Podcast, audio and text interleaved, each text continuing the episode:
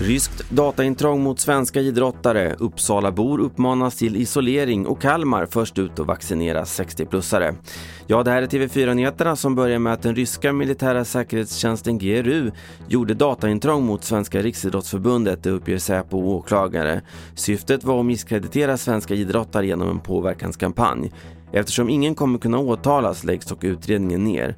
Vi har åklagaren Mats Ljungqvist. Det har funnits kontakter mellan GRU och journalister och vi kan också se att det har skrivits artiklar i enlighet med GRUs narrativ. Vi är så säkra på detta att hade vi kunnat åtala de här individerna som vi menar står bakom det här så hade jag kunnat räkna med en fällande dom. På en pressträff nu under förmiddagen meddelade Sverigedemokraternas partiledare Jimmy Åkesson att det är för tidigt för partiet att ta ställning till regeringsfrågan inför nästa val. Han kräver dock att partiet får inflytande som står i proportion till partiets väljarstöd och tillägger att det viktiga är politikens inriktning och inte att partiet får ministerposter. Idag uppmanar Region Uppsala till personlig lockdown efter ökad smittspridning.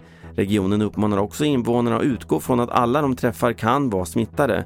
Dessutom uppges att den brittiska varianten nu utgör cirka 70% av alla covid-19-fall i regionen.